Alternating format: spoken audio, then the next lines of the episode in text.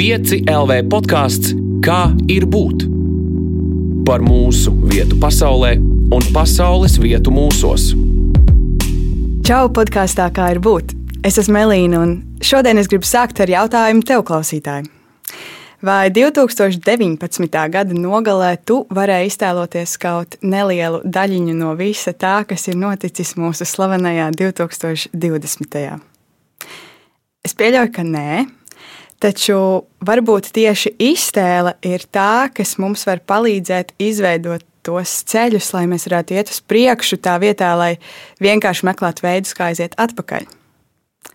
Jā, mēs šodien runāsim par iztēli, un, lai to darītu, es pie sevis esmu aicinājusi 25 gadus jauno režisoru, scenāristu un producentu Matīs Kāžu. Čau, Matīs! Čau! Um, tev tie tituli man ar šiem. Man tas tituls principā iedeva Wikipēdija. jo katrā vietā kaut kas cits rakstīts, bet kā tu pats nezinātājam stāstīji, ko tu dari un kāda ir šī režisora, scenārista un producenta ikdiena? Nu, principā es sev vienmēr pozicionēju kā režisoru, jo tā ir mana sirdslieta, un tas ir tas arī, ko es daru visvairāk. Uh, un kas droši vien visvairāk ir arī saistīts ar iztēli no šīm trim lietām. Kaut gan varbūt scenāristam to vajag vairāk. Uh, bet nu, es, es parasti sev pozicionēju tā, ja man prasa, un, un tas, ko es daru ikdienā, uh, ir ļoti grūti aprakstāms. Tāpēc, ka uh, atšķirībā no ļoti liela daudzuma tādu profesiju, kur tu aptuveni vari paredzēt nu, nedēļu uz priekšu, ko tu darīsi, tur, nu, vai, vai arī nu, kāds būs tas tavs dienas ritms, tad uh, kino māksla ir viena no tām profesiju kopām, kurā tu īsti nevari paredzēt tik ļoti uz priekšu, un katra diena ir citādāka, un katru dienu tu dari kaut ko citu. Un tāpēc man arī šajā profesijā ļoti, un šajā jomā ļoti interesanti. Nu, tas man īstenībā patiesībā visvairāk interesē, jo, ja man saka režisors, es varu apmēram izdomāt, ko režisors dara filmas uzņemšanas laukumā, piemēram, uh mhm. -huh. vai kaut kā tam līdzīga, bet tā vienkārši tagad nav jāuzņem filma, un es nevaru iztēloties, es nevaru iztēloties, ko, ko tu dari pamostoties no rīta un zinot, ka tev vakarā jāiet gulēt kā kur dienu, bet īstenībā, ja režisors nav filmēšanas laukumā, tad režisors ir vai nu montāžas kabinetā, ja, vai arī režisors strādā ar scenāriju, vai režisors ir entajās sapulcēs par nākamās filmas sagatavošanu. Nu, tie darba etapi jau ir daudz šajā profesijā, un uh, daudz no tiem ir tādi, par kuriem varbūt nestāsta. Nu, jo vienmēr jau interesē tas, kas notiek uz laukuma, tāpēc ka tur dzimst tā alternatīvā pasaule, un tur brauc visas televīzijas, un intervētāji un fotogrāfi, un tas ir tas, kas visiem interesē. Bet tas, kā mēs līdz tam nonākam, patiesībā ir daudz smagāks ceļš nekā pati tā filmēšana. Ja? Jo Tur ir entās nedēļas ar sagatavošanās darbiem, entās nedēļas ar skicēm, vizualizācijām, mēģinājumiem. Uh, un tā tālāk. Jā. Līdz ar to nu, kā kur dienu mēs pieceļamies, varbūt mēs, piemēram, brauksim uz kādu lokāciju, apskatīties, kā tur izskatās un kā aktieri pa to varēs pārvietoties, kur viņam būs darbības salas. Ja? Kur viņi varēs uh, veidot dialogu, ja, kā varētu norisināties mizānscēna. Ja. Varbūt mēs uh, brauksim atstrādāt kādu sponsoru video, piemēram, jo bieži vien kino strādājot, nu, tev vajag kaut kā iekonomēt naudu, jo tas budžets ir tik, cik ir. Un tad tev ir visādi sponsori atbalstītāji, kuriem pēc tam klipiņas jānofilmē. Nu, tā dažreiz ir no rīta pieceļoties. Tu saproti, ka tu brauc nezinu, kaut kādam veikalam filmēt.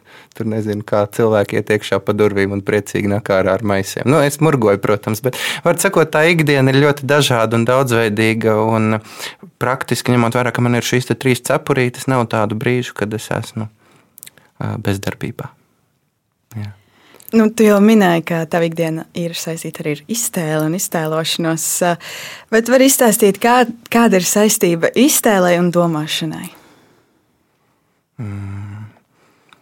Nu, man jau liekas, ka iztēle ir viena no domāšanas kategorijām. Ne? Nu, tā ir īstenībā tajā jomā, kurā es strādāju, tā ir cieši saistīta ar analītiku. Ja? Jo režija principā ir iztēle plus analītika. Ja? Mēs analizējam kaut ko, ko mēs iespējams paši esam sarakstījuši. Ja? un pēc tam mēs iztēlojamies, kā tas varētu izskatīties. Un tad mēs nonākam tajā vietā, kur mēs esam iztēlojušies, kā tas varētu izskatīties. Un saprotam, ka nu, tā viss nebūs, bet būs bijis citādāk. Izņemot, ja tu esi Hitchcocks. Ja? Jo, piemēram, ir tādi uh, režisori kā Hitchcocks, kuri uh, uzzīmē savu filmu. Nu, varbūt nu, Hitchcocks man pats zīmē, bet, un, un tieši tā tā filma arī izskatās, ka tu vari apskatīties to kadrējumu, kādu viņš bija mājās uzzīmējis, ja, vai studijā. Un pēc tam viens pret viens tā filma arī tā ir. Bet lielākoties jau tā nenotiek. Lielākoties iztēle saduras ar realitāti. Es domāju, kā tas viņam bija, vai viņš vienkārši spēja ļoti reāli iztēloties, nu, kur tā ir viņa veiksmes formula šajā gadījumā, kā, kā viņam tā varēja izdoties, iztēloties tik precīzi. Zinu, kas ir. Man liekas, ka viņam bija. Nu, viņ, viņš ir cilvēks ar reti kinematogrāfisku domāšanu. Jo tas, tas ir domāšanas veids. Ja? Tas nav tāpat kā domāt um, vizuālās mākslas kategorijās, nu, kā, kā, kā, kā izdomāt, kā glezna izskatīsies. Ja? Tas nav tāpat kā domāt teātris, skatuves kastes kategorijās. Ja? Jo kino ir saistīts cieši ar laika iztēlošanos. Ja? Kā, un laiks un kustība ir tie divi elementi, kas atšķir kino no citām mākslām. Laiks un kustība. Ja? Nekur laiks un kustība nestrādā tā, kā tas strādā kino. Un, uh, Nu, protams, kaut kādā ziņā varētu attiecināt vienu no šiem elementiem uz citām mākslām. Piemēram, radio pārraidē arī laiks ir ļoti būtiska kategorija, un tu vari šo laiku kā skulptors atdalīt. Piemēram, es tagad stāstu kaut kādas muļķības, un tu pēc tam pēcapstrādē to izgriezīs laukā. Ja? Es negriezīšu, bet, jā, bet, bet, bet, varētu, bet, bet, bet, bet, bet kustība atkal šeit īsti nav. Šeit citi elementi spēlē. Mēs varētu arī pastaigāties ar mikrofoniem. bet to, bet to viņi, nu, tas mm, klausītājiem tas neko īsti nemainīs. Varbūt fona trokšņi būs citi, bet to kustību jau viņi neredzēs. Bet tas ietekmētu saturu, jo mums. Uh, Mēs, piemēram, šobrīd sēžam telpā, kas ir absolūti statiski. Šeit, principā, nekas nemainīsies. Varbūt es lodziņā tur redzēšu, uh, kā kaut kas notiek, bet tu pat neredzēsi. Bet, ja mēs pastaigātos šobrīd, mums mainītos vietas, mums būtu citi impulsi visu laiku, par ko mēs varētu veidot sarunu. Līdz ar to tas ļoti ietekmētu tādu nu, sarunas režiju, varbūt. Sarunas režiju un arī sarunas, uh, uh, teiksim tā. Um, dinamika, respektīvi arī to, cik skaļa būs šis saruna. Piemēram, mēs nonāktu uz brīvības ielas, mums būtu nedaudz skaļāk jārunā, Daudz. jo tur ļoti intensīva satiksme un tā. Jā, un, un, un tā, bet tā kā mēs esam studijā, tad mums ir tikai jāiztēlojas, nu, kā tas būtu, ja mēs tagad brīvības ielā rakstītu podkāstu. Es droši vien jūtos ļoti, ļoti neomalīgi. Brīvības iela kaut kā rada trauksmi nedaudz. Bet tu, tu minēji par to, kā atšķirās um, režisora iztēlošanās. Vai tu vari izstāstīt, kāda, kādi ir tie tavi iztēlošanās mehānismi, kā, kā, tu, kā tu sajūti, kā tu redzi un uzbūri savu iztēli, kā, kāds tas process, varbūt tev ir iztēlošanās rituāli kaut kādi. Man ļoti palīdz uh, mūzika radīt kaut kādu noskaņu, un es bieži vien to arī sūtu kā referenci citiem, lai palīdzētu saprast, kādā tonalitātē es redzu kaut ko. Mm, nu, paradoxāli, ka es audiālu mediju izmantoju, lai parādītu, kā es kaut ko redzu. Jo uh, tas tradicionālākais mehānisms kino režisoram tik tiešām ir uh, kaut kāds vizuāls references, un bieži vien tas ir zīmēts kadrējums. Bet tā kā es zīmēju ļoti slikti, tad vienmēr to kadrējumu vai nu zīmē kāds cits, vai arī mēs strādājam ar, ar mūsdienīgāku paņēmienu, kur mēs uzfilmējam filmu pirms mēs viņu filmējam. Kas arī ir kaut kas interesants, par ko es varu pastāstīt vēlāk. Bet, eh, principā, man palīdz noskaņoties ļoti mūzika. Eh, es meklēju noskaņas mūzikā, un tad es kaut kā domāju, nu, jau pa, pa, pa ainu tonalitāti atsevišķi, ja, un tā kopējā darba tonalitāte, kā viņi mainās, kā mainās ritms. Ja. Tas ir tas mans palīga līdzeklis. Bet tīri kā rīks, nu, mums kino tie ir ļoti plaši, sākot no skicēm, lokāciju fotografijām, tad tām vietām, kur mēs filmēsim, un, un beidzot ar ļoti specifisku jau izplānotu kadrējumu kā man, piemēram, pēdējai filmai, mēs patiešām nu, 70% no filmas nofilmējām tajās lokācijās iepriekš mēģinājumos. Un tad, uz, tad, kad bija filmēšanas diena, mēs tikai principā aktieriski kaut ko piekuriģējām, bet visas kustības jau bija skaidrs, un kur kurš būs un ko teiks un kā rīkosies. Ja. Tā kā mums ir diezgan plaši tie rīki, kā mēs strādājam. Ar tieši, iztē, nu, tieši tie, tie palīdzīgi līdzekļi iztēlē. Ja. Tu minēji, ka, ka režisoram ir ļoti būtiska arī tā analītiskā daļa. Uh Mhm. -huh. Un, kā, kāds ir tas process, vai tu atrodi materiālu, piemēram, tu veic analīzi, un tad vadoties no tā, tu kaut ko tālāk iztēlojies, vai tu sēdi un tad tu iztēlojies, un tad tu sāc kaut ko analizēt. Kāds tas, Tas, tas, tas, ir ļoti, tas ir ļoti dažādi. Jo tas pirmavots jau katram manam darbam ir cits. uh, Un tur arī specifika atšķiras, piemēram, dokumentālajā kino no spēles filmas. Bet man patīk analītisko posmu veikt kolektīvā procesā, respektīvi. Mēs kopīgi, nu, vai no aktieriem, vai ar radošo komandu, dažreiz ar abiem diviem, mēs izrunājam ka, tādas ļoti svarīgas lietas, kā kāpēc vispār šāda aina, piemēram, tajā filmā ir, kāda ir, tā, kāda ir šīs ainas jēga kopējā filmas struktūrā, ja? kāpēc varoņi rīkojas tā, kā viņi rīkojas, kāpēc viņi saka to, ko viņi saka. Ja viņi saka muļķību, un bieži vien šajā fāzē mēs atklājam to, ka ārvalsts, nu, tas ir pilnīgs strunts, ko es tur esmu uzrakstījis, ja? vai ko mēs esam izdomājuši. Darām labāk šādi, ja? un tas impulss mēdz nāk nevis no manis, bet, piemēram, arī no kāda aktiera vai no operatora vai tā tālāk. Un, un te, nu, te nu tajā fāzē jau sākas tā kolektīvā iztēlošanās, ja, ka, man, ka, ka, ka tas nav tikai tāds mana ego projekcija jau uz ekrāna, bet ka patiesībā jebkurš filmas dalībnieks rado, no radošās komandas kļūst par šīs kolektīvās iztēles līdzdalībnieku. Ja. Jo mēs strādājam kopā, tāpat arī ir teātrī, ja, kur tas ir kolektīvs process. Tas nav tā, ka es viens pats uh, eju un, piemēram, gleznoju kaut kādu gleznoju, komponēju skaņu darbu. Ja. Tas, tas, nav, tā, tā, tas nav tik intīmi. Tas varbūt sākotnēji ir tik intīmi, bet pēc tam tā kļūst par kolektīvu iztēlošanos. Iedomājies, ka inteliģence būtu istaba. Iztēlojies jau inteliģence kā istaba. Kas šajā istabā ir um, iztēle? Kur tā atrodas šajā inteliģences istabā? Iztēle ir aiz loga. Tas viss, kas tur ir. Un kā viņi dabūt iekšā? Nu, atver to logu, tad kaut kas tur ielidos ik pa laikam. Nu, kāds Kā, un tauriņš kā mēs varam bitīte. atvērt logus? Ui, nu, tur kā kuram te mehāniski, citiem te ir kaut kādi. Kaut kādas konkrētas prakses, rituāli. Ja. Man, piemēram, palīdz mūzika ļoti, kā jau teicu. Citiem varbūt tās ir kaut kādas, teiksim, maģiskās prakses elementi, ja? nu, tur nezinu, vai tradicionāl, tradicionālās kaut kādas. Um, tad, piemēram, kaut kāda tradicionāla vingrojuma ja, palīdz. Nu, tur joga palīdz citiem. Ja. Citiem palīdz meditācija, ja, kaut kādas šīs tradicionālās vai maģiskās prakses. Ja. Um, jo katram uh, cilvēkam jau uh, principā ir iztēle. Jautājums par to, cik tā ir attīstīta, jo tā jau jāvingrina ir pastāvīgi. Ja. Ja, mm, citiem, piemēram, palīdz mm, mm, tīri matemātiski iztēloties, respektīvi, dažādas geometriskas figūras, ja dažādi uh, um, rubiki, kubiki, visādi šādas lietas. Citiem atkal ar loģiku tā ir saistīta iztēloties, piemēram, desmit gājienus uz priekšu šahā. Ja? Kā tālāk taktiski rīkoties, tur arī ir vajadzīga iztēle un, un, un spēja domāt no, no vairākiem skatu punktiem, ja? kā pretinieks rīkosies tālāk kāds būs nākamais solis. Un, tad, tad, tad tas ir atkarīgs liekas, no personības un no tā arī, kas ir šīs personības sti, stiprās, attīstītākās domāšanas puses. Jā, citam varbūt matemātiskā domāšana nav tik attīstīta kā uh, vizuālā, jā, redz vizuāls, fotografisks, varbūt tēls. Un, un, un, nu jā, bet kas tavā istabā būtu?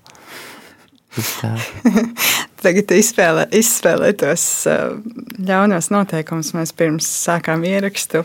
Um, Mēs ar Matīs runājām par to, ka šī nav intervija, un ka viņš varētu vienā brīdī sākt intervēt mani. Bet es tev vēl nepadošos, jo es tagad jūtu to taktiku. Tā tas būs jāizdara tā slidināk, varbūt kaut kad. Bet man ļoti patika, man ļoti patika tā doma par logu. Un uh, man patīk arī tas, ko tu teici par to, ka iztēli var un droši vien arī vajag trenēt. Bet kas tad ir tas veids, kā mēs varam apgūt, un studēt un trenēt iztēlošanos? Nu, bērniem jau parasti iesaka uh, lasīt grāmatas, ja, jo grāmatās tev ir teksts. Bet atšķirībā no vizuālās mākslas, lasot grāmatu, tev šī pasaule, šie tēli ir pašam jāiztēlojas. Viņus ir vai nu jāredz, vai jājūt, vai kā citādi jākonstruē. Un uh, vienu un to pašu filmu noskatoties, varbūt mums radīsies līdzīgs priekšstats par tēliem. Nu, man un tev, ja, piemēram. Bet savukārt, izlasot vienu un to pašu grāmatu, mēs pilnīgi citādāk uzkonstruēsim tos tēlus. Un tas būs atkarīgs no tā, kādas detaļas mēs savācam savā tā, tā, tā, tā tēla vai vietas, vai ne, vienalga, par ko tajā grāmatā ir rakstīts bibliotekā vai kartotēkā. Ja? Tu, piemēram, atcerēsies, ka Holdenam Kolfieldam uh, uh, romānā Uzkraujas Rudzlaukā ir tāda cepura, bet es varbūt tam vispār nepievērsīšu uzmanību, jo manā domāšanā tam, kāda viņam ir cepura, vispār nav nozīmes. Es atcerēšos, kā viņš runā, kāds ir viņas viņas, viņa runas veids, ja, un, un, un tas paliks manā atmiņā, un es šo tēlu iztēlošos balsot, balstoties uz tādu pazīmi, ja, uz verbālu pazīmi. Un tieši man liekas, ka ar literatūra ir viens no labākajiem veidiem, kā trenēt uh, iztēli, un tieši tās iztēles dimensijas, un tieši tās domāšanas dimensijas, kas mums pašiem ir um, visspēcīgākās, vēl turpināt attīstīt. Labi, bet um, Nu, ja man nepatiktu, piemēram, lasīt, um, un, un es to tā negribētu darīt, Varbūt arī vizuāli. Kāpēc tev nepatīk lasīt? Nē, man ļoti patīk lasīt. Daudz. Bet, uh, bet es domāju par vizuālo mākslu. Arī tur mēs varam ļoti daudz iztēloties, jo tas ir, mums ir piedāvāts kaut kāds viens fiksēts moments, piemēram, vai varbūt tas ir ļoti abstrakts darbs, kur mm -hmm. mēs pat nevaram konkrēti nolasīt tēlus vai tam līdzīgi, bet mēs varam uh, ieraudzīt, principā, ka tas ir kaut ko pilnīgi citu. Un tā ir vizuāla māksla. Tie ir vizuāli elementi. Jā, protams. Visinteresantākie ir ar abstrakto mākslu, vai ne? Nu, tur vai, vai ar kaut kādu minimālismu, minimālismu skulptūrām, ja tu tur redzi, kā, kā, nu, kas tas ir, no nu, kaut kāds stikla kups tur telpas vidū. Bet nozīme tam ir kāda. Un šis ir labs jautājums, vai tā nozīme ir tāda, kāda mēs viņu iztēlojamies, vai tāda, kādu mēs varam uzrakstīt, izlasīt uz tajos kuratora aprakstiņos. Nē, nu tie jau ir visjautrākie par tiem. Tur. es reizēm atsevišķi pat atsevišķi tikai lasu un, un analizēju darbu, viens atsevišķi, bet tikai šo aprakstu kā tādu literatūras fragmentiņu. Bet eh, nu, tādi cīniski cilvēki jau teikt, ka uz to turas pusi no laikmetīgās mākslas, uz tiem aprakstiņiem arī turas. Ja. Es nezinu. Varbūt tā bet, pati par sevi jau ir laikmatīgā māksla. Jā, un, un, un toties kuratoram ir jābūt cilvēkam ar ļoti attīstītu iztēli un analītisko domāšanu, lai viņš sasaistītu šo stikla kubu ar ražošanas mehānismiem, piemēram, Ķīnas tādā un tādā provincē, kur viss tas backstories tam kubam, jā, nu, es tagad murgoju, mhm. tāda kuba nav, bet viss tas, vis, vis tas, vis tas stāsts tam kubam patiesībā liecina par, nezinu, darba spēka eksploatāciju, ļaunprātīgu eksploatāciju kaut kādā tur Ķīnas provincē. Nu, tā, nu, tad, tad um, arī par to, ja, tad kā kaut ko ievietot kontekstā, un tur jau iztēlē vēl papildus ir nepieciešams zināšanas. Analītika plus analītiskās prasmes plus zināšanas. Zināšanas uh, pasaules vēsturē un, un aktuālajos procesos. Šis ir labs punkts, ko tu saki cik lielā mērā mūsu iztēle ir nevis kaut kā jauna kā izdomāšana, bet summa vienkārši tam, ko mēs zinām. Ja zināšanas ir svarīgas. Nu, jā, protams, mēs jau no zila gaisa tā teikt, neko uzkonstruēt nevaram. Pat ja mēs tur iztēlojamies kaut kādu, nu, nezinu, uh, iztēlotu briesmonīti, piemēram, ja, kādu, nu, kāds it kā nekur nav redzēts. Tāpat tam būs kaut kādi elementi uh, iz mūsu pieredzes. Ja? Vai nu viņam būs kaut kādas humanoīda pazīmes, nu, tur kājas un tā tālāk. Tāpat tur būs elementi no mūsu pieredzes, jo ārpus mūsu pieredzes jau mēs neko izdomāt nevaram. Diemžēl. Tātad viss izdomātais īstenībā kaut kur ir. Kaut kur, nu, vai nu mēs to sapnītī kādā esam redzējuši, vai nu pieredzējuši. Ja? Dzīvē. Nu, tad, tad neko tā no zila gaisa, ja trumuļu baļķi mēs izdomāt nevaram. Ja, jo tāpat šis piemērs ir diezgan idiotisks, jo ir trumuls un baļķis, kas ir divas atsevišķas zīmes, un tagad es vienkārši viņus savienoju kopā kaut kādā kombinācijā, un tagad man ir kaut kas jauns, lūdzu. Ja. Tas nozīmē, ka neiespējamo iztēloties nevar vai var? Nav neiespējamais kaut kas cits. Neiespējamo vai kā ir- jēdzienu, vai jēdzienu neiespējamais. Nu, tam ir ļoti. Vai ir, iztā, vai ir iespējams iztēloties neiespējamo?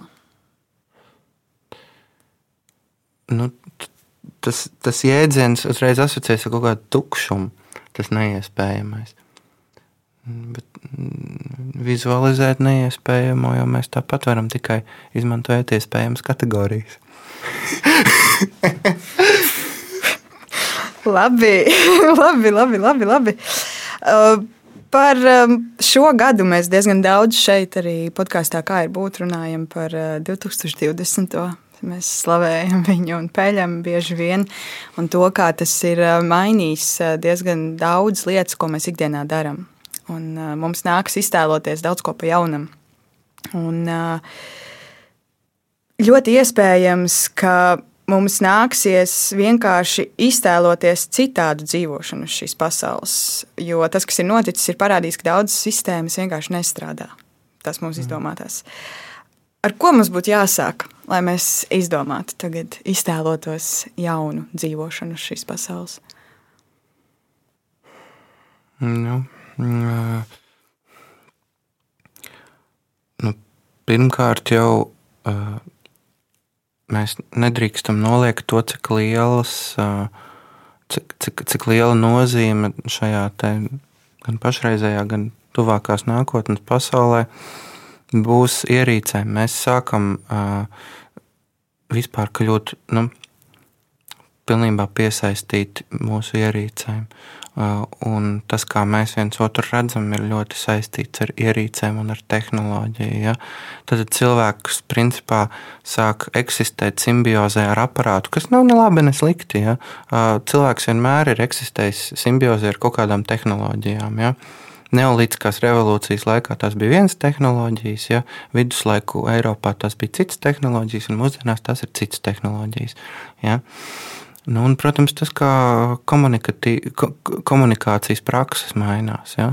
nu, tas ir citādāks. Vienkārši mēs sazināmies ar šī aparātu palīdzību, ar kaut kādu, ar kaut kādu mediju, nu, respektīvi ar kaut kādu starp, starp, starpnieku palīdzību, ja? manāma vai nemanāma. Ja? Un, nu, tas ir tas, ar ko mums jārēķinās, ir, ka tā tas ir un tā tas būs. Un, tam ir gan pozitīvās puses, gan negatīvās puses. Pozitīvās puses ir tādas, ka tagad kaut kādā ziņā šis zūma laikmets, vai kā to var nosaukt, ir parādījis, ka, mm, nu, ka īstenībā cik viegli ir uh, organizēt konferences, kurās piedalās cilvēki no visām pasaules malām, jo vienkārši vairs nav citas iespējas. Vairs nevar aizbraukt, satikties tur, nezinu, kaut kādā tur, tādā vai tādā vietā. Bet, bet īstenībā tas ir vienkārši. Nu, tu nospēj trīs pogas un notiek viss. Bet tāpat laikā tas akcentē arī to, cik ļoti mums ir nepieciešama tā cilvēciskā kontakta. Mm, praksi, nu, respektīvi tas, ka mēs satiekamies klātienē un ka mēs tajā zūmā un citur sēžot, saprotam, ka mēs vienkārši ilgāk par 40 minūtēm, 50 vairs nevaram to izturēt pēc kāda brīža. Tāpat laikā nekad jau nav bijis tā, ka tu dzīve, dzīvē, dzīvo kontaktu nu, pēc trim dienām. Es vairs nevaru ilgāk par 50 minūtes šeit sēdēt. Tas, tad ļoti reti kaut kas tāds ir. Nu, varbūt galīgi negadās kompānija. Ja? Bet, uh, Nu, nu jāsaprot, ir, cik ilgi, tas, cik, cik ilgi tā, tā pilnībā, pilnīgā atkarība no, no tehnoloģijām būs raksturīga šim laikmetam. Jo, uh, cilvēks tomēr ir sociāla būtne, bet cik lielā mērā tā var būt tikai no tehnoloģijām atkarīga sociāla būtne. Jā. Un kādu tu iztēlojies dzīvi pēc pandēmijas? Vai paliks kaut kāda mūžīgā pandēmija kaut kur? Nu, mūžīgā pandēmija nepaliks. Paliks kaut kāds blaknes uz kādu laiku noteikti no pandēmijas. Nu, bet tas ir saistīts ar procesiem, kas notiktu jebkurā gadījumā, piemēram, nu, dažādu uh, konkrētu profesiju robotizācija, burtiskā ziņā. Ja? Nu, mums nevajadzēs pēc desmit gadiem vairs tos kasierus katrā veikalā, ja? vai, vai un, un, un, un, uh, fabrikās atsevišķus strādniekus, ja piemēram tur kaut kādās konkrētās nozarēs. Ja. Bet tā tas ir bijis cilvēcei raksturīgs visā. Nu, mums zināmās evolūcijas gaitā, ka kaut kādā brīdī tehnoloģijas aizstāja konkrētu cilvēku darbības procesus. Nu, un tas ir lētāk, izdevīgāk un iespējams arī vidē draudzīgāk ja, kaut kādā mērā. Un, nu, ar to ir jārēķinās, ka, ka mūsu dzīves laikā, ņemot vērā to, cik strauji šīs te tehnoloģijas attīstās, mums patiešām būs jāpierod pie tā, ka atsevišķu profesiju pārstāvjiem varbūt dzīves laikā būs jāpārkvalificējas trīs reizes. Ja? Tu vairs neesi pārdevējs, bet tas ir kaut kas cits. Tad atkal tā profesija atkal tuvojas tam brīdim, kad nu, tā vairs nav nepieciešama vienkārši. Ja? Un tā, bet um, Bet es, es ļoti ceru, ka izglītības jomā tā, tās attālinātās studijas un tas viss ne, nekļūs par standartu, jo tā ir pilnīgi cita pieredze. Un man ļoti žēl tos studentus, kas ir pirmajos kursos, tagad šos divus mācību gadus, vai arī vidusskolas klasēs, piemēram. Jā, jo baigi daudz no, no, no dzīves tiek pazaudēts. Diemžēl tas tā ir. Jā, es domāju, kā mēs varam tieši iztēloties un, un, un veidot kaut kādu citādu šo vienkāršo socializēšanos, to būšanu, kas ir uh, ārpus lekciju laika. Tieši tu jau to lekciju vari noklausīties tajā zumā vai ne, jebkurā brīdī. Bet, uh, bet tu klausies pilnīgi citādāk nekā tu klausies klātienē. Oh, jā, pati klausos uh, diezgan daudz, ļoti citādi. Bet ir tā svarīgā sadaļa arī, kas nu, notiek tad, kad tā. beidzas. Kaut ko tur vāri cep un tur fonā tur kaut ko runā. Ja? Es aktīvi māju ar galvu šobrīd. jā, uh, bet, bet ir otra lieta, kas notiek tad, kad beidzas tā lekcija parasti tā ir vesela dzīve, ka tu esi kaut kādā augstskolā, kaut kur ar, ar cilvēkiem, jums ir sarunas, diskusijas. Šobrīd, principā, tā lekcija beidzas ar to, ka tu zūmā uz, uzspied pabeigt mītiņu, ja tu uzspied īsiņu, un, un viss, un tā aizēja prom, un, un ar to beidzas. Kā mēs varam šajā laikā to vienkāršo socializēšanos ieviest pa jaunam, jo vecajā formā viņi vienkārši nevar šobrīd notikt. Nu, godīgi sakot, divi varianti tikai. Vai nu maisaimniecības ietvaros, vai nelegāli. jo mēs varam pietuvināties tam, nu, piemēram, man bija ļoti interesants piemērs. Man tagad ir tāda jauna filma, kino un mēs. Un mēs šai filmai uztaisījām interneta tikšanos ar aktieriem. Tas bija ļoti interesanti, jo no vienas puses ir tā, ekrāna radītā atsvešinātība, vai ne? Bet no otras puses, tu esi kopā ar to aktieru viņa dzīvoklī gandrīz. Vai. Tu esi, nu, jo kinoteātris zālē uzdot jautājumu.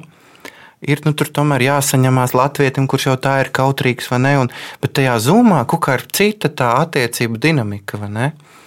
Un tā kā nav tikai viennozīmīgi tā, ka mēs nevaram būt kopā vai būt uh, kaut kādā ļoti personiskā komunikācijas līmenī caur šīm tehnoloģijām. Vienkārši nevar dzīvot arī tikai no tā. Ja? Nu, jo nu, nemaz nerunājot par visām tehnoloģiskajām problēmām, kas bieži vien uzrodas šādā veidā komunicējot, ir arī tas, ka mm, tu redzi to cilvēku tikai tajā kompozīcijā, kur tev piedāvā šis cilvēks un viņa kamera un ekrāns. Ja? Uh, dzīvē tu tur uztver pilnīgi cits nianses. Ja. Man patīk šī doma, ka mēs varam novērtēt to, kas kaut kādā gadu, pusotru mēs varam nonākt vietās, principā, kur mēs iespējams nekad nenonākam. Jā, jā tu savu, tu savu pasniedzēju dzīvoklī, tu nonāc, tu redz, ka viņam kāds viņam tur dīvains grāmatas fonā stāv. Ja? Tad tu tur iespējams dzīvē nekad nenonākt, ja? vai skuteļu virtuvē, ja? vai vēl kaut kur citur. Nu, Ekskluzīvies. jā, kā manā gadījumā bija. Lūk, tā, un bieži vien šajās te, šādās te sarunās, ja, te cilvēki arī kaut kādā brīdī aizmirst par to, ka viņam ir jābūt nu, tajā zūma vidē, un mēs sakām, man ir kaut kādas sadzīves detaļas, piemēram, kā viņi ēd pusdienas, ja?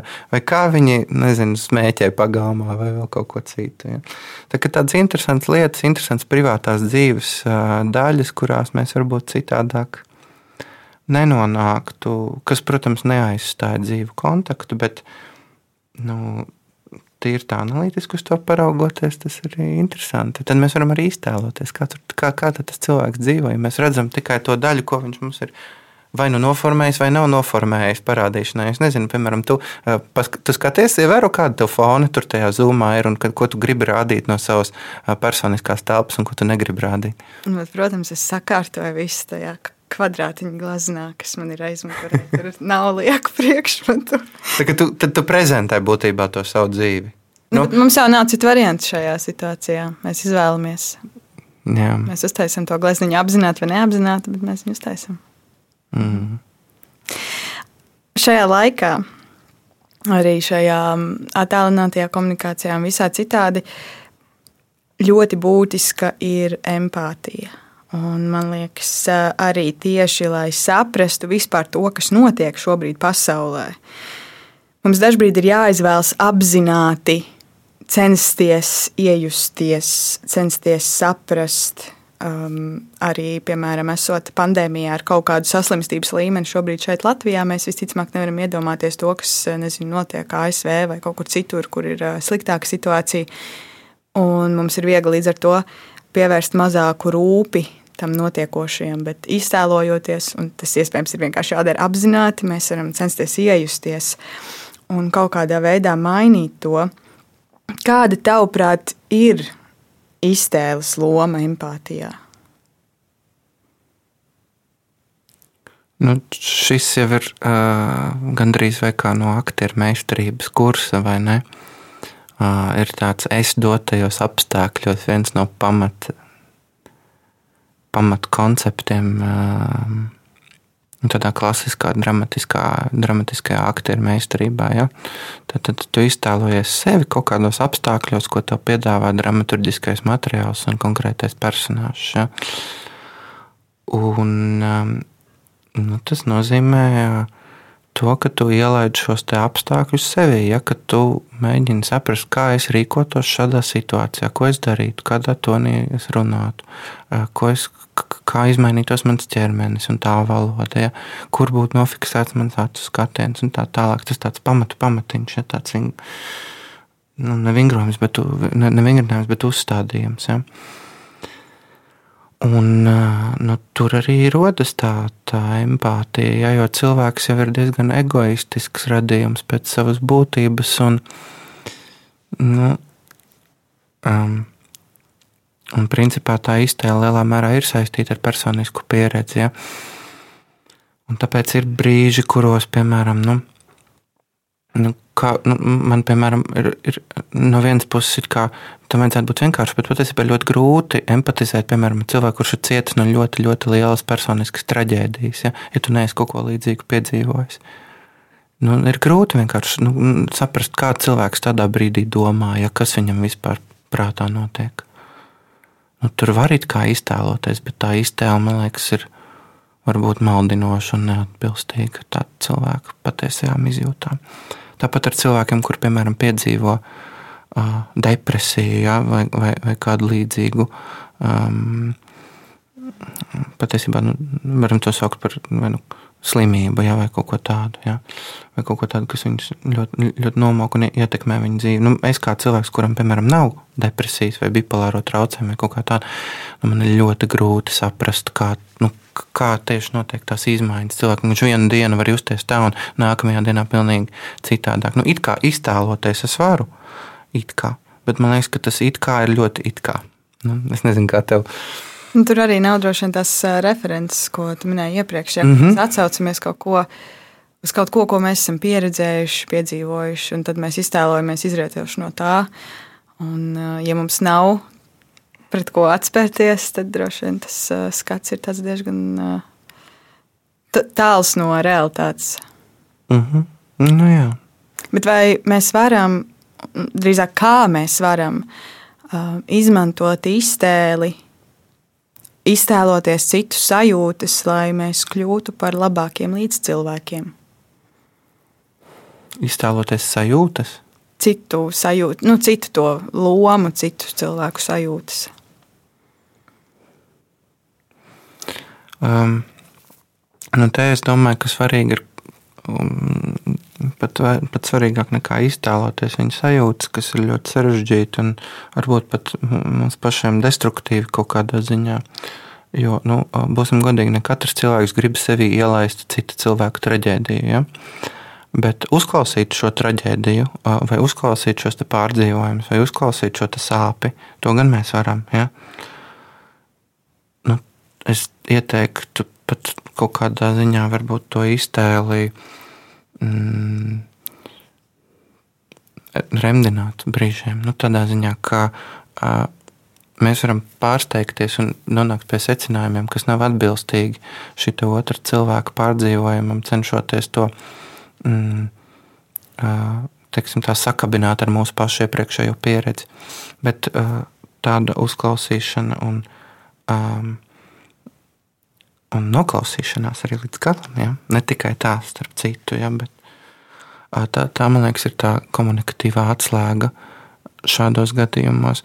Jo kaut kādu secinājumu veikšana, ieteikumu piedāvāšana un risinājumu piedāvāšana gandrīz vienmēr nestrādā. Jo es tev varu teikt, ka tu, es tevi saprotu un dari tagad tā, vai ne? Bet es jau neesmu iedziļinājies. Nu, respektīvi, es, neesmu, es nemaz nevaru iedziļināties tik ļoti šī cilvēka jūtās, lai es varētu apgalvot, ka uh, tas, ko es tagad izjūtu, vai sapratu, vai secināju, ka tas atbilst tam otra cilvēka sajustajam. Tā kā ļoti, nu, tīpaši nu, kā dokumentālists, ka ar to vienmēr ļoti uzmanīgi. Bet varbūt tā ir kaut kādā veidā iztēles procesa kļūda, jo uh, varbūt nezinu, cilvēks ir nonācis kaut kādā tra traģēdijā, viņš dalās savā stāstā. Un, ja tu uzklausi un centies vienkārši, piemēram, ieteikt risinājumu, ja? tad uh, varbūt tieši tā ir kļūda. Jo, ja tu būtu patiesi empātiski klausījies, tu mhm. saprastu, ka tas, kas tev ir jādara, tev ir vienkārši jābūt blakus un nav nekas jāiesaka. Nu, jā. Es jau par to pašu Bet tas automāts jau ir mums aiziet, nu, tagad būt glābējam, palīdzēt, kaut kā mierināt, bet uh, nevienmēr šis līdzeklis ir iedarbīgs. Šī mūsu iztēles, um, tā teikt, mm, iztēles darbība, ja kura šādos gadījumos mēdz bieži vien aiziet pie klišejiskiem risinājumiem, problēmām. Nu, tādiem standartizētiem, klišejiskiem, stereotipiskiem, vienkāršiem risinājumiem ļoti sarežģītām problēmām. Kaut kā tā. Nu jā, es vienkārši domāju par to, ka tur iespējams trūkst tā patiesā empātija. Un, un ka tas ir kaut kāds. Jo man liekas, lai saprastu, piemēram, kas notiek pasaulē, lai mēs būtu kaut kādā veidā līdzjūtīgāki, mums ir jāspēj uzklausīt tie stāsti, dažādu cilvēku stāsti, un nu, kaut kādā mērā Es nezinu, vai pietiek ar tikai tādu lūkošanos nu, no malas, ja tā varētu teikt. Es, piemēram, iedomājos kaut vai tād, par tādu pašu kino. Mēs noskatāmies kādu filmu, un, un mēs varam varbūt censties iedomāties, kā ir tam varonim, kāda tā viņa dzīve, kādas ir viņa problēmas, un varbūt viņš dzīvo otrā pasaules malā, bet mēs sākam saprast vairāk šo otru pasaules malu tieši caur to, ko mēs esam pieredzējuši un, un savā veidā arī iztēlojušies un empatizējuši. Jā, kaut kādā mērā tas tā ir, protams, bet uh, uh, tikai tāpēc, ka es noskatos tur, nezinu, filmu Kapernauma vai nezinu. Uh, kas varētu būt tāds zināmāks. Nezinu. Tikai tāpēc, ka es noskatos, piemēram, graustu miljonāru, es nevaru apgalvot, ka es kaut ko zinu par to, kā cilvēki dzīvo Indijas, nezinu, galvaspilsētas nabadzīgākajos kvartālos. Ja? Jo viss tas, ko mums piedāvā māksla, jau ir kaut kādā ziņā refleksīvs par realitāti. Ja? Tā ir kaut kāda konkrēta autora vai autora kopas refleksija Nu, varbūt dažreiz pat ne par realitāti, ja, ja tā ir fantāzija filma vai kaut kas tāds. Ja. Bet nu, tas, ko es gribu pateikt, ir, ka mums jau to arī ir jāuztver kā viņu interpretāciju, kā viņu centienus iespējams empatizēties. Ja. Dažos gadījumos šī empātija mm, ir mazāk redzama, kā drīzāk problēmas eksplikācija, lai iegūtu kritēriju filmas aktualitāti ja, vai, vai kaut kas tāds. Respektīvi, jo mākslas darbi jau arī ir dažādi, un tā ego pakāpe, kas tur parādās, arī ir ļoti atšķirīga. Un cik lielā mērā tie ir empātiski un patiešām atļauj šim varoņiem runāt, kas ir ļoti raksturīgi dokumentālam kino, cik ļoti tu atļauj šim varonim parādīt un tai filmai atklāt savu pasauli, un cik ļoti tu uzspied savu redzējumu par to varoni. Ja? Un, uh, ir, man arī pašam ir bijušas dažādas pieredzes. Ja. Nevienmēr man sanāk uh, līdzvērt, nu, līdzvērtīgi iedziļināties un um, atklāt šī varoņa iekšējo pasauli. Varbūt brīžiem es to piekrāsoju ar kaut kādām savām krāsām, kas iespējams šim varonim nav tik raksturīgas, kā es to biju iztēlojies. Bet tad uh, ir kino, kas mums var palīdzēt. Uh, palīdzēt uh, iztēloties citus, citu cilvēku dzīves un tādā veidā iedrošināt, rīkoties, kaut ko labot šajā pasaulē. To gan jā, rīkoties un uzlabot šajā pasaulē. Jā, tas būtu labi, labi, ja būtu vairāk tādu filmu. Bet tādā ideālā gadījumā jau tas kino mudina nevis mainīt visu nepareizo, ļauno un tā tālāk pasaulē, bet um, iztēloties to kā pats savu personību un dzīvi un attieksmes konkrētās situācijās varētu mainīt. Un tur jau arī varbūt rodas tā īstā empātija, nevis kā kaut kāds mēģinājums um, mainīt, saprast, pielāgot uh, citu cilvēku, bet uh, nu, mēģināt izprast to ļoti komplekso uh, savu pasauli, kuru mēs paši jau nu tā, višķiņa, aiz, aizberga, tā teikt, virsotnītes lielumā zinām, un to pārējo visu mēs tikai tā ik pa laikam nojaušam. Bet droši vien, ka mainot nu, to savu skatījumu, redzējumu uz pasauli, mēs jau savā ziņā izmainām visu pasauli. nu, pieņemot, ka visa pasaule ir tikai tas, ko mēs redzam savā apziņā, nu, tad iespējams, tad jā, ja tā mēs definējam pasauli. Bet mēs jau arī. Jo mēs jau no pasaules redzam un zinām tikai to, ko mēs pieredzam. Jā. Tieši tā, tieši tā. Un mēs arī pēc tam ejam pasaulē jau ar citu apziņu, un arī tajā mūsu kolektīvajā pasaulē, tajā kopīgajā pasaulē jau ejam ar jaunām domām, jaunu kaut kādu mm. skatījumu, pieredzi un liekam eh, iekšā pavisam citu. Un tā soli pa solītim, pa kaut kādam mazai daļiņai, visi noskatās vienu filmu, pamaina savu skatījumu pasauli, un hei, hei, mēs dzīvojam pilnīgi jau citā realitātē. Jo tur atkal ideoloģiskā bīstamība ir, ja viss vienā virzienā pēc filmas noskatīšanās maina savus uzskatus, tad tur kaut kas ir Jo vislabākās filmas jau ir, manuprāt, tās, kuras raisa iespējams pat ļoti polarizējošu viedokļu diskursu. Ja? Ka tā filma nepasaka tev priekšā, ka, piemēram, nezinu, tā un tā rīkoties ir slikti, nezodz vai nedari tā un tā. Ja? Bet tā filma, nu, nezinu, tā kā, nu, piemēram, tā kā Dostojevska darbi, kur nekas nav viennozīmīgi. Ja? Vai šis ir tas veids, kā mēs varam varbūt palīdzēt citiem iztēloties, dot šādas eh, neviennozīmības. Mm, kaut kādā ziņā, jā. Jo, jo, um, jo plašāku skatījumu uz kaut kādu, um, nu, nezinu, nu, ja tīpaši tas darbs ir ar kaut kādu, teiksim, tādu sociāli nozīmīgi. Nu, ja tam ambīcijas ir būt sociāli ietekmējošam, nozīmīgam, ja, tad jau vislabākais būs, būs tāds darbs, kurš piedāvās šim skatītājam, lasītājam, mākslas patērētājiem to iespēju izvēlēties. Ja? Nevis pateiks viņam priekšā, ej pa šito taciņu, ja? bet uh, drīzāk parādīs, ka ir vairākas taciņas. Katrai no tām taciņām ir savi savas foršās lietas tur galā un arī visādi mūģi pa ceļam, bet ka, nu, principā dos to izvēli. Ja? Jo nu, nekas nav sliktāks par didaktisku mākslu. Tagad es centīšos izdomāt kaut ko, kas varbūt ir sliktāks. Tad varbūt tas ir didaktisks mākslas produkts pēc tam. Ja? Sakas. Um, Tu minēji, ka viens no taviem iedvesmas avotiem ir mūzika. Uh mhm. -huh. Vai ir vēl kaut kas, kur tu smēlies iedvesmu? Nu, kino, protams, es ļoti daudz skatos citu autoru darbus.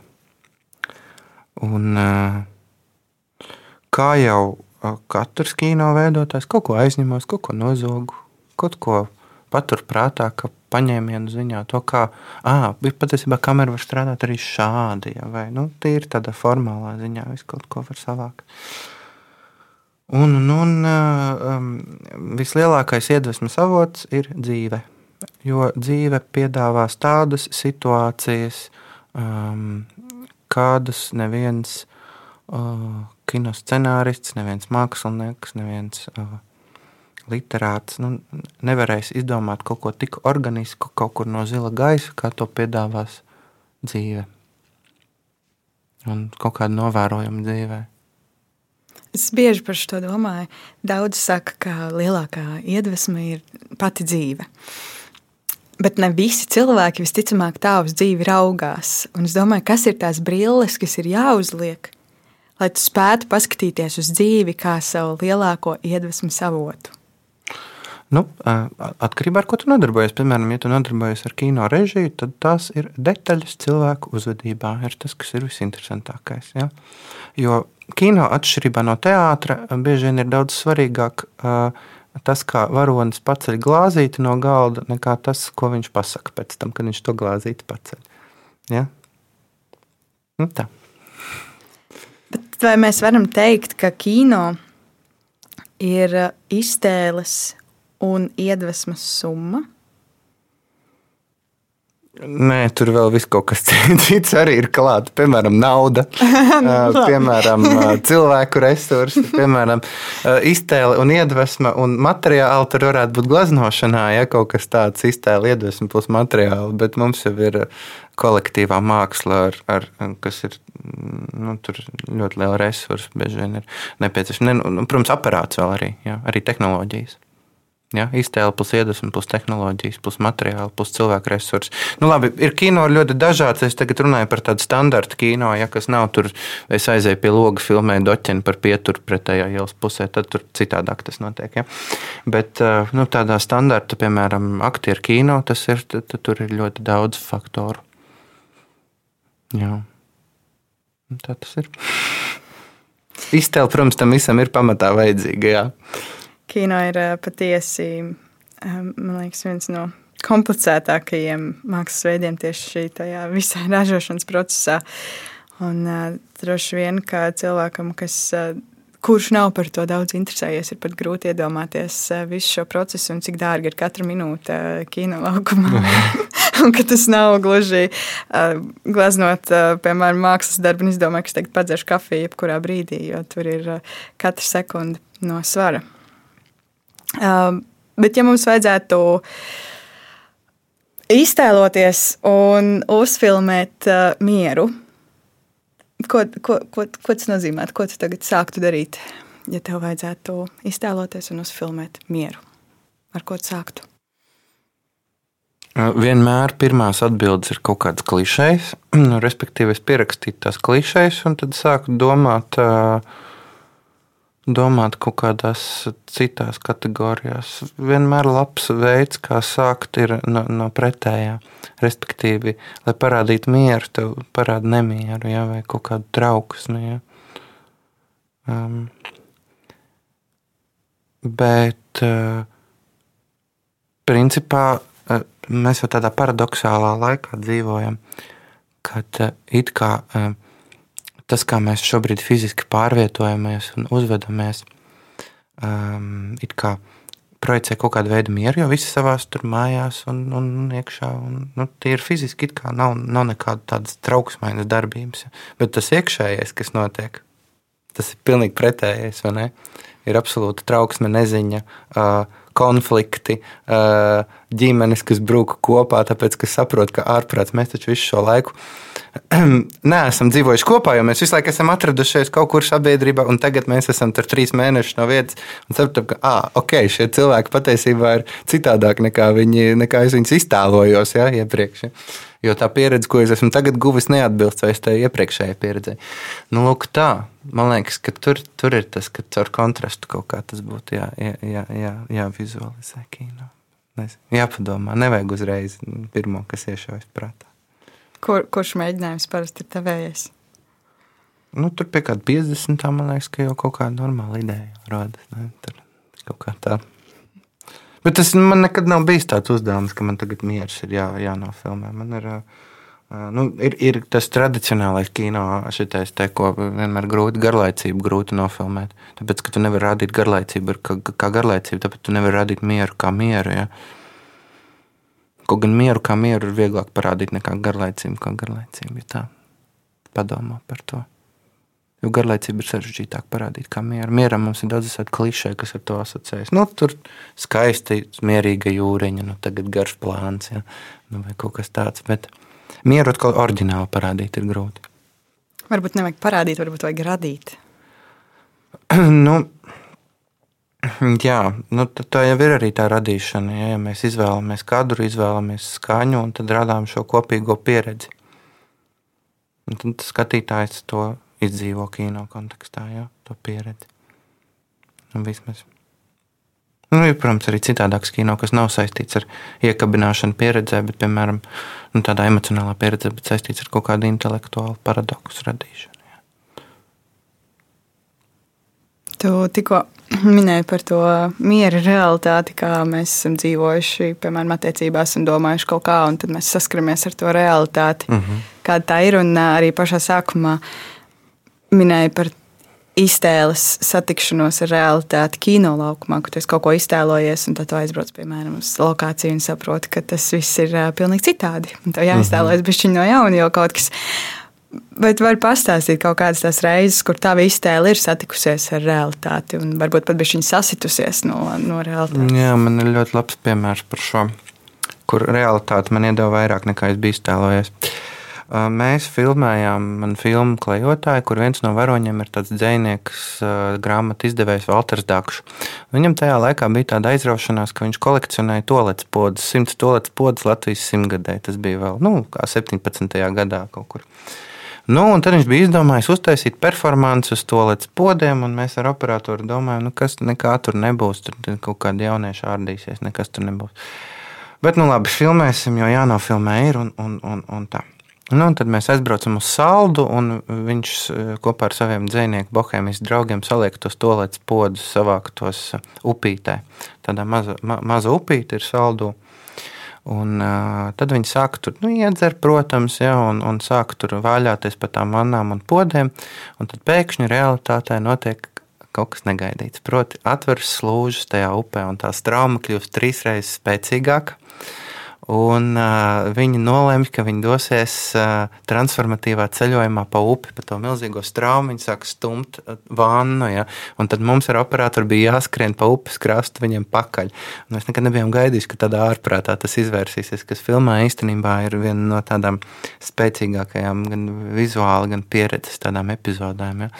Nu, tas dokumentālajā kino tā ir gadījies. Jā. Man spēļu filmā vienā ir gadījies tā, ka aktrise nevar nospēlēt emociju, nu, nenospēlēt emociju, ne, bet nevar nospēlēt reakciju, emociju nevar īsti, bet nevar nospēlēt reakciju uz uh, vienu situāciju, kur viņai jābūt diezgan intensīvai reakcijai. Uh, Nu, tad, ko mēs darījām, lai dabūtu to pretīgumu sajūtu, kas viņai bija nepieciešama, tad, kad nu, gandrīz visi līdzekļi nestrādāja. Es domāju, ka nu, viss, kā režisors, es gandrīz padavies, un es nezinu, kā šo situāciju atrisināt. Eh, kas arī daļai ir taisnība, bet tiešām nezināju, kā to situāciju atrisināt. Tad, nu, eh, man, eh, tad es domāju, ka es nogriezīšu savu šitā matus, bišķiņu, nezinu, padedzināt viņai pie sejas, tur pie tūplāna, un tad, tad bija vēlamais efekts sejā. Jo tā, kad dedzina matus, tad nenormāli smird. Un, jā, nu tad, tad, tā mēs atrisinājām situāciju. Es biju iztēlojies, ka mierīgi nospēlēs tur otro dubli, viss filmēsim, iesim tālāk. Kas vēl man tāds spēļu filmās? Ah, nu jā, brīnišķīgi viena aina, kas, kas western filmā, kas būs nākamgad. kur mēs bijām iztēlojušies nu, tādu diezgan standartizētu ainu. Tur pie izmeklētāja ierodas viņa padotais un paziņo, ka nu, tagad viņš ir atradzis kādu noziedznieku, ja tur saprats, kur tas noziedznieks ir, lai nenospēlot neko filmā. Nu, tāda apmēram epizodīta. Nu, vienkārši epizodīta, tur, kas nu, norisinās tur mūžas bibliotekā. Aktieris Vils Daudziņš tagad atbrauc uz laukumu un ierauga, ka tur ir baļļa. Nu, meitenes, aristokrāta meitenes baļļa, nu, tāda smuka, tāda koka. Ja. Klausies, Matīs, kā būtu šo ainu mēs filmētu tā, ka mans personāžs guļ tajā vannā, un tad pie viņa ierodas tas viņa paliks. Es tā padomāju, saku, ok. Un tā aina bija daudz labāka nekā es viņu biju iztēlojies. Viņa ir viena no smieklīgākajām ainām tajā filmā. Lūk, tā, nu tā, tā, tā iztēle sastopas ar realitāti, kur realitātes ne, nevajag teikt nē realitātei. Ja? Jo, ja mēs ieciklējamies šausmīgi uz to, kā mēs esam to izdomājuši, tad, tad, tad um, pazūd tā radošā spontanitāte. Un uh, dažreiz jau ir. Um, jēgpilnāk pateikt savai iztēlei nē, bet pateikt jā kaut kādam jaunam, spontānam, radošam priekšlikumam, ir īpaši mākslā. Ja? Tā mēdz būt atslēga uz panākumiem. Vismaz manā pieredzē. Bet es domāju, ka tas līdzīgi droši vien strādā arī dzīvē. nu, jo Es, piemēram, kā cilvēks, kurš ļoti, tā, es ļoti, es ļoti daudz iztēlojos situācijas, kādas tās būs, kā es aiziešu tur, satikšu to, un kāda tur būs kaut kāda, piemēram, saruna vai kaut kas tamlīdzīgs. Un es jau principā esmu pirms kaut kur es dodos, es jau izdzīvoju apmēram to situāciju. Un es esmu nu, viņu iztēlojusies, savā iztēlē esmu izdzīvojusi. Un, ja es eh, neļaujos eh, realitātei, tad es varu piedzīvot vilšanos, jo tas nav noticis tā, kā es iztēlojos. Bet, ja es esmu. Nekad gā... jau nenotiek tā, kā tu iztēlojies. Un Tev tieši... ir kādreiz bijis, ka tieši, nu, tieši šitā es domāju, tā arī ir. Nu, principā nē. un tieši tāpēc ir tik svarīgi saglabāt to, to atvērtību tā realitātei un, un, un to spēju. Jau iztēloties uz vietas ar tiem jaunajiem, jaunajiem impulsiem, ko tas ieguvis tajā brīdī, iespējams, kaut ko kā, kā tu vari tālāk risināt to situāciju. Mm. Nevis aizliegt, eh, ņemt eh, baļu, bet uh, iztēloties, kā tu to kadru varbūt vari vislabāk nofilmēt. Jā. Tā kā no. Nu. sakiet, jā, baļķām. atziņa, galvenā atziņa no podkāsta. bet uh, vēl pirms uh, mēs jau lēnām jau ejam uz otru galu, bet. Um, jau uz otru. Uz, uz otru. Kas tad būs? Lielais, jā, lielais jautājums. Es pašā sākumā arī do, minēju to, ka varbūt iztēle ir tas, kas mums šobrīd var kaut kā īpaši izglābt un, un palīdzēt mums šajā situācijā. Un principā jau mūsu prāts un tas viss, kas tur notiek, mums kaut kādas domas, sapņi, tā ir tāda droša vieta, jo Mēs to iespējams visvairāk kontrolējam. Mēs visvairāk to varam kontrolēt droši vien. Mūsu prātu? Jā. Man nu, bet salīdz, nē, nu, salīdzinājumā ar citām lietām, kas notiek pasaulē. Nu, mēs jau paši, mēs tā iztēlojamies, ka mēs varam to kontrolēt. Bet, piemēram, tu jau nekontrolē pašas svarīgākās. Nu, tu, tu, tu īsti nekontrolē to, kāpēc tev patīk šī filma. Nu, tu nekontrolē, tu jau ne, neizvēlies, ne, ka ne, tev protams. viņa pat, tu neizvēlies, ka tev patiks tas vīrietis vai sieviete vai nu vienalga. Tu īsti neizvēlies tagad, ka, ka, ka es tagad kontrolēti pieņemšu lēmumu, ka man tas tā un tā. Ir kaut kas, kas nostrādā uz tavu specifisko, teiksim tā, ne gēnu inženieriju gluži, bet nu, uz, uz tevi kā personību. Jā, pieņemsim. Es pilnībā piekrītu, un es arī par to kontroli domāju, ka tā jau nav tāda absolūta kontrole. Mm. Bet, ja mēs salīdzinām, piemēram, to, cik daudz es varu kontrolēt laikapstākļus un cik daudz es varu kontrolēt to, kā es skatos šiem laikapstākļiem, tad droši vien pišķiņš vairāk es varu kontrolēt to otro kā to pirmo. Es tā vismaz pieļauju, un, un ka tur mēs, nu, mēs varam visu kaut ko izdomāt. Mēs to varam nepiedzīvot un piedzīvot vēlāk. Un man liekas, ka savā ziņā tā pasaule, kurā mēs šobrīd dzīvojam, ļoti daudz mums cenšas iedot visu kaut ko gatavu. Es nezinu, cik labi. Pajautāšu tev, kā sākumā. tā kā, tā kā ready made. Jā, jā, vai tev ir kaut kas, vai tev ir, uh, kā tu domā, vai šī pasaule, šī sabiedrība, kurā mēs dzīvojam, uh, mūs mudina iztēloties, vai tieši pretēji? Nu, mums jau nav, kat, mums katram tā pasaule un sabiedrība ir atšķirīga. Uh, nu, Bet te, kur mēs esam, č- šajā studijā, piemēram, nu, es nezinu, nu, tad tād, nu, nekas cits jau neatliek palēkas sienas. Un, aiz tam ir viena gaiša. Jā, nē, nu. Um, nu, tādā globālā līmenī jau. Um,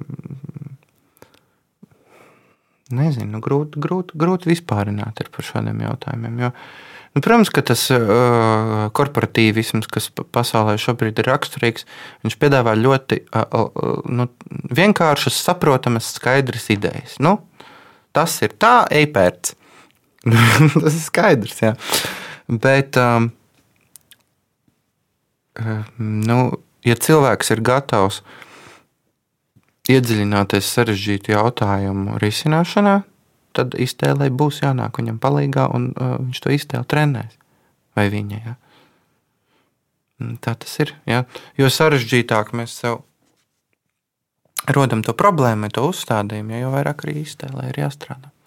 Un jo vairāk mums sevi jāmudina, un jo vairāk mēs būsim spiesti sevi mudināt, uh, iztēloties un strādāt un radoši strādāt. Ja?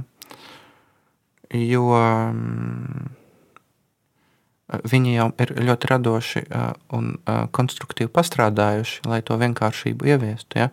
Mēs nedrīkstam, mm, manuprāt, teikt, ka nu viss viņi tur muļķi, tie McDonald's un tur nezinu. Tur, Šitie liel, lielās ķēdes, Nokia, Apple, whatever. Ja? Uh, viņi ir ļoti sarežģītam domāšanas procesam izgājuši cauri, uh, lai radītu to, ko viņi ir radījuši. Ja? Un lai tas būtu tik vienkārši, uh, pārdodami un, teiksim, tā uh, vidusmēra pircēji pakļaujoši. ja? nu. Kā tev šķiet, kā mēs šajā laikā, šajā kontekstā varam nosargāt mūsu iztēli, lai mēs būtu joprojām spējīgi risināt šos sarežģītos jautājumus un, un kaut kādā veidā padarīt šo pasauli varbūt labāku? Mm, Pirmkārt, iztēlē mums neviens neatņems. Mums tikai iebaros vairāk visādas klišejas un priekšstats par to, kā jāstrādā cilvēku attiecībām, kā jāstrādā cilvēku miedarbībai ar vāru ja, un tā tālāk. Bet um, es domāju, ka tur mm, ap, nu, šaubas, apšaubīšana, kas jau ir viens no filozofijas pamatjēdzieniem, šaubīšanās, ja, vai ne? Tas ir tas, kas. Var mudināt cilvēku iztēloties. Ja? Apšaubīt to, ka šķietami pašsaprotamais patiešām ir pašsaprotams. Ja? Tik tiešām tas tā strādā. Ja? Un tā to var attiecināt praktiski uz jebkuru cilvēku darbības jomu. Mākslu, zinātni, maģiju, reliģiju, sadzīvi. Ja? Paldies, tev, Matīs! Es tev! Es ceru, ka tie cilvēki, kas mūs uh, ir noklausījušies līdz pat šim brīdim, um, varētu mēģināt apšaubīt visu, ko Tieši mēs tā. tikko esam, Ļoti labi pat ko mēs tikko savu runājuši. iztēli un domāšanu. Tieši tā uzdevums ir šo visu tagad apšaubīt. Un, uh, Pievienoties mums iespējams jau nākamajā, kā ir būt epizodē, kur mēs runāsim par kaut ko pilnīgi citu. un Mēs varam tikai iztēloties par, par ko mēs runāsim, un atkal droši vien apšaubīsim. Paldies! Es esmu Elīna, un šis bija podkāsts Kā ir būt. Tiekamies pavisam drīz. Atā!